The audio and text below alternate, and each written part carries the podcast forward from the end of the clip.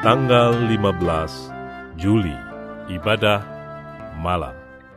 Mulutku akan menceritakan keadilanmu dan keselamatan yang daripadamu sepanjang hari, sebab aku tidak dapat menghitungnya. Mazmur pasal 71 ayat 15.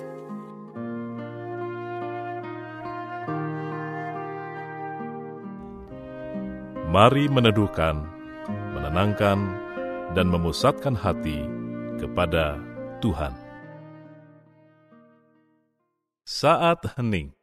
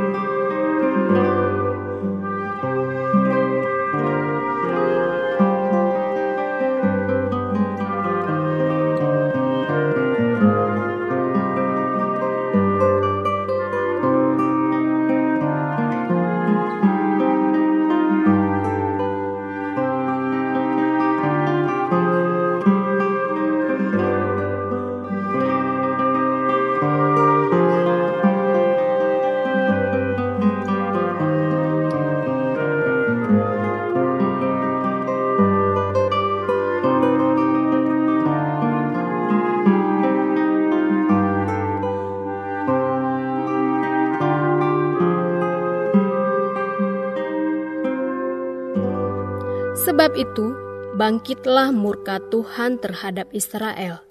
Lalu diserahkannya mereka ke dalam tangan Hasael, Raja Aram, dan ke dalam tangan Ben-Hadad, anak Hasael, selama zaman itu. Tetapi kemudian Yoahas memohon belas kasihan Tuhan, dan Tuhan mendengarkan dia. Sebab ia telah melihat bagaimana beratnya orang Israel ditindas oleh Raja Aram. Tuhan memberikan kepada orang Israel seorang penolong, sehingga mereka lepas dari tangan Aram dan dapat duduk di kemah-kemah mereka seperti yang sudah-sudah. Dua Raja-Raja pasal 13 ayat 3 sampai 5.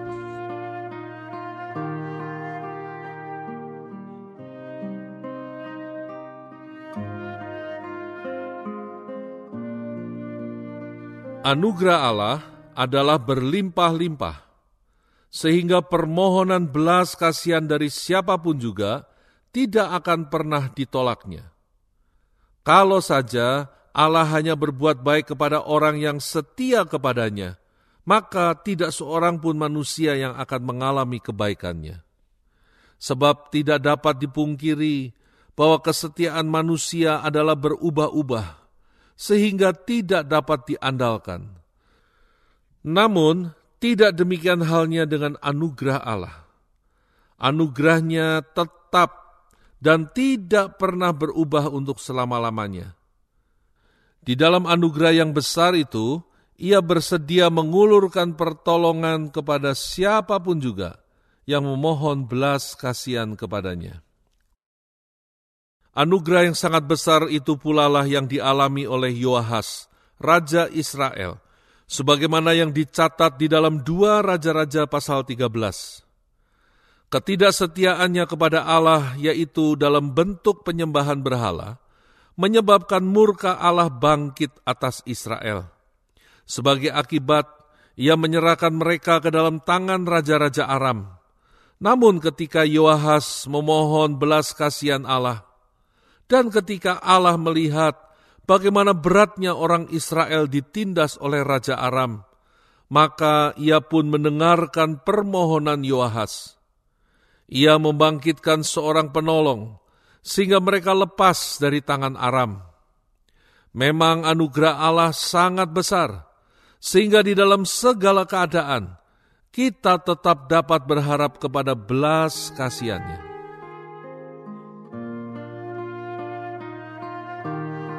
Bolehkah kita mempermainkan anugerah Allah dalam hidup kita? Mengapa demikian?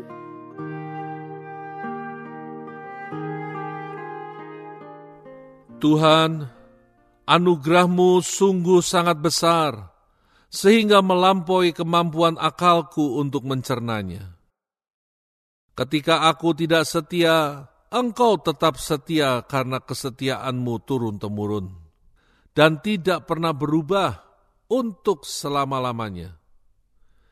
Di hadapan tata anugerahmu, aku merendahkan diri dan memohon pengampunanmu atas ketidaksetiaanku.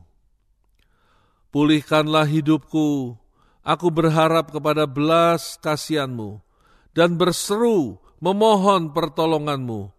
Lepaskanlah aku dari penindasan yang kualami dalam hidupku.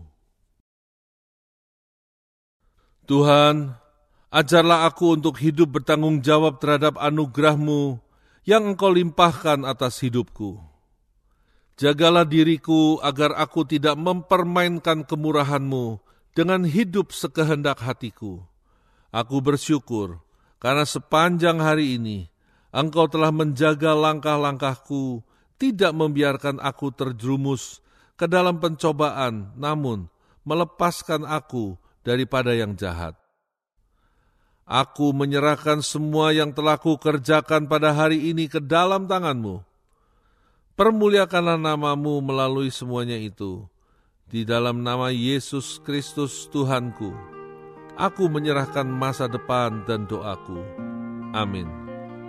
Berdoalah untuk orang-orang yang sedang memerlukan dukungan doa Anda.